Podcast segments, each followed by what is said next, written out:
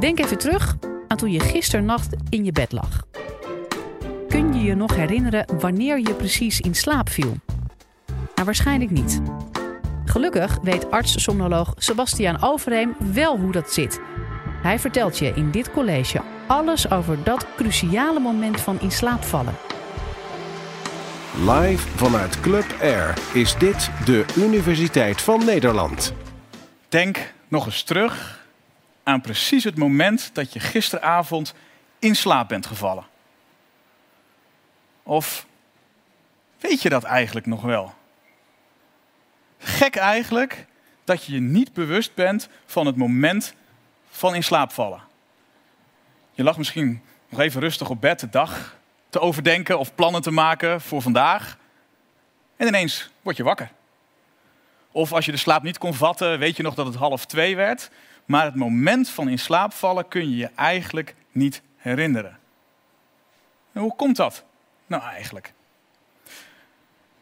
Naast onderzoeker ben ik somnoloog. Als arts behandel en diagnosticeer ik mensen met allerlei stoornissen van de slaap.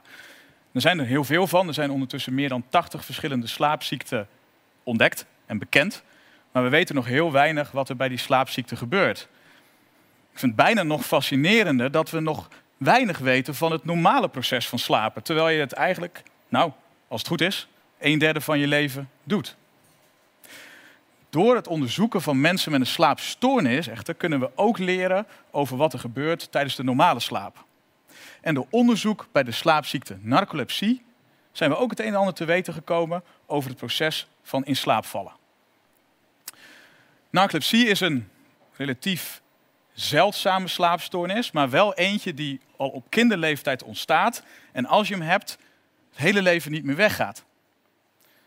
Mensen met narcolepsie hebben een aantal symptomen en het belangrijkste is dat ze ongewild overdag in slaap kunnen vallen. En dat kan meerdere keren per dag gebeuren en is geen één dag afwezig met alle gevolgen van dien. Maar mensen met narcolepsie hebben nog allerlei andere symptomen. Onder andere aanvallen van cataplexie. Plotselinge spierverslappingen uitgelokt door emoties. Mensen met, met narcolepsie kunnen letterlijk slap van het lachen worden. Verder hebben mensen met narcolepsie hele heldere droombelevingen, maar dan op het moment dat ze in slaap vallen of wakker worden. En daarmee lijken ze zo echt dat ze soms niet eens weten of het echt gebeurd is. En daarom noemen we ze hallucinaties. En tenslotte is de slaap s'nachts van mensen met narcolepsie ook verstoord. Ze kunnen wel in slaap vallen, maar ze kunnen niet in slaap blijven. En ze worden heel vaak kortdurend wakker. Lijkt er eigenlijk op dat de grenzen van de slaapstadia bij narcolepsie als het ware vervagen. Wat gebeurt er nou als je normaal in slaap valt? Slapen is eigenlijk een heel gereguleerd, afgebakend proces. Je gaat van wakker naar lichte slaap, naar diepe slaap en vervolgens kom je in droomslaap, remslaap. Zo'n afwisseling, dat noemen we een slaapcyclus, duurt bij elkaar zo'n anderhalf uur en dat doe je een aantal keren nacht. Dus de volgorde staat vast, maar ook elk slaapstadium heeft zijn eigen kenmerken. Tijdens diepe slaap bijvoorbeeld zien we in de hersenactiviteit hele kenmerkende langzame golven. En tijdens droomslaap heb je niet alleen maar dromen, maar zijn ook je spieren verslapt. Om te voorkomen dat je je dromen gaat uitoefenen. Wat gebeurt er nou bij narcolepsie? Dan vervagen als het ware die harde grenzen tussen de slaapstadia. Waardoor mensen veel te gemakkelijk van waak naar slaap kunnen gaan en tussen de verschillende slaapstadia heen en weer kunnen schakelen. Maar er gebeurt nog iets kenmerken van slaapstadia die normaal alleen in, die slaap, in dat slaapstadium voorkomen, kunnen ineens een eigen leven gaan leiden. De dromen van droomslaap treden ineens op op het moment dat ze in slaap vallen. Of die spierverslapping van droomslaap komt overdag op het verkeerde moment. Slap van het lachen. Die vervaging van slaap tijdens narcolepsie zie je ook mooi in onderzoek wat gedaan is bij muizen. Door de genetische verandering kun je muizen ook narcolepsie eh, bezorgen. En hier wil ik schematisch wat uitslagen laten zien van het onderzoek dat daarbij is gedaan. Aan de linkerkant verschijnen soms een aantal pijlen die weergeven, simpelweg door te tellen, hoe vaak muizen heen en weer schakelen van wakker naar diepe slaap en naar droomslaap. Aan de linkerkant zie je hier een gezonde muis. En je ziet dat hij zowel in de dag, bij de muis is dat de nacht, de actieve periode, het is een nachtdier, als in de nacht, onze dag, de actieve periode, er wel heen en weer geschakeld wordt, maar vooral in de inactieve periode, in de nacht. Bij een muis met narcolepsie gebeurt er iets heel anders. Als je kijkt naar de dikte van de lijnen, zie je dat de muizen in de slaapperiode veel vaker heen en weer gaan. Maar vooral in de actieve waakperiode, in de dagperiode, zie je dat muizen met narcolepsie continu heen en weer schakelen tussen wakker, slaap en dergelijke. Als teken van de vervaging tussen de grenzen van de slaap. Maar wat gebeurt er nou in de hersenen bij narcolepsie? Wat al die symptomen veroorzaakt? En sinds begin 2000 hebben we het onderzoek daar meer inzicht in gekregen. Het heeft gebleken dat al die symptomen van narcolepsie uiteindelijk veroorzaakt worden door een tekort aan één boodschapperstof in de hersenen, die hypocretine heet. Hypocretine is een neurotransmitter, een stof die hersencellen gebruiken om met elkaar te communiceren. En de cellen die hypocretine maken, zijn er maar heel weinig in hersentermen, zo'n 100.000. En die zitten midden in de hersenen in de zogenaamde hypothalamus. En hoewel het weinig cellen zijn, hebben die hypocretinecellen verbindingen met ongeveer alle andere hersengebieden die je kunt bedenken. Kennelijk is het heel belangrijk. Maar wat doet hypocretine nou precies als het gaat om de overgang tussen wakker zijn en slapen? Daarvoor moet je nog iets meer weten. Weten dat slaap eigenlijk een heel gereguleerd systeem is. Vroeger werd nog wel eens gedacht dat slaap niet interessant is, dat je hersenen uitgingen en in de ochtend gingen ze weer aan, maar niks is minder waar. Tijdens droomslaap bijvoorbeeld gebruiken je hersenen meer energie dan als je wakker bent. Hier zijn een aantal hersengebieden die betrokken zijn als je wakker bent.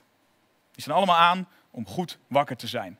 Het moment van inslaap, het begin van de slaap, worden hele andere hersengebieden actief, die hier schematisch zijn weergegeven. Wat is nou het bijzondere? Die wakkergebieden en die slaapgebieden hebben ook verbindingen met elkaar. En meer precies, die remmen elkaar.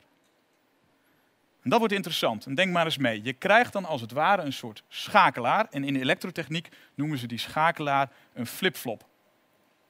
Als je wakker bent, worden je slaapgebieden geremd, ben je dus echt wakker. Als je slaapt, worden de slaapgebieden geremd en ben je dus echt in slaap. Niks ertussenin. Die schakelaar is zogenaamd bistabiel. Je slaapt, dan slaap je ook echt.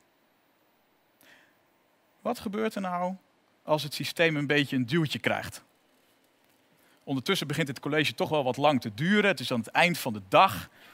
Zo spannend is het nou ook weer niet. Dus je slaapgebieden worden een klein beetje actiever. Prompt beginnen die op hun beurt die wakkergebieden te remmen, waardoor die wakkergebieden minder actief worden. En vervolgens de rem op de slaapgebieden wegvalt, waardoor ze nog actiever kunnen worden. Met andere woorden, die slaapschakelaar, als die een duwtje krijgt, kan die ineens van de ene naar de andere toestand overgaan. En dat is niet handig. Je hebt dus nog een ander hersensysteem nodig om die schakelaar te stabiliseren. En dat doet dat hypocretine. De hypocretinecellen activeren de slaapschakelaar aan de waakkant. En als een soort vinger op de knop stabiliseren ze de slaapschakelaar. Mensen met narcolepsie missen het hypocretine, waardoor de schakelaar instabiel wordt en veel te gemakkelijk van de ene naar de andere toestand switcht en weer terug. Daarmee bijvoorbeeld de slaapaanvallen overdag verklarend. de hand van onderzoek van narcolepsie hebben we ook inzicht gekregen in misschien nieuwe manieren van behandeling. Helaas is het nog niet gelukt om die hypocretine-functie over te nemen als de ultieme behandeling van narcolepsie. Maar het heeft wel iets anders opgeleverd. Er komt een hele nieuwe generatie slaappillen aan die gebaseerd is op het tijdelijk blokkeren van het hypocretine. Iemand met slapeloosheid, insomnie, je eigenlijk voorstellen dat die slaapschakelaar juist te stabiel is en niet uit de wakkertoestand kan. En door met die medicatie nou tijdelijk de hypocretine te remmen, wordt de schakelaar wat instabiel, zodat de overgang van waak naar slaap veel gemakkelijker gemaakt kan worden.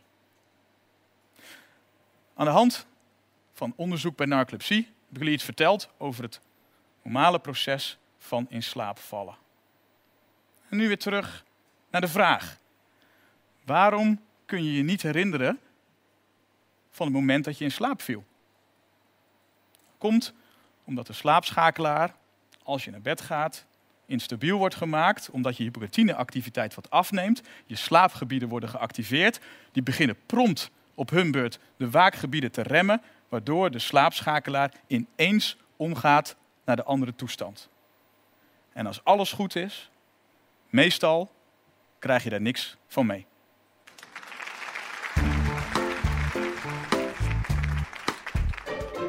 Wil je nou meer afleveringen van de Universiteit van Nederland horen? Check dan de hele playlist en ontdek het antwoord op vele andere vragen.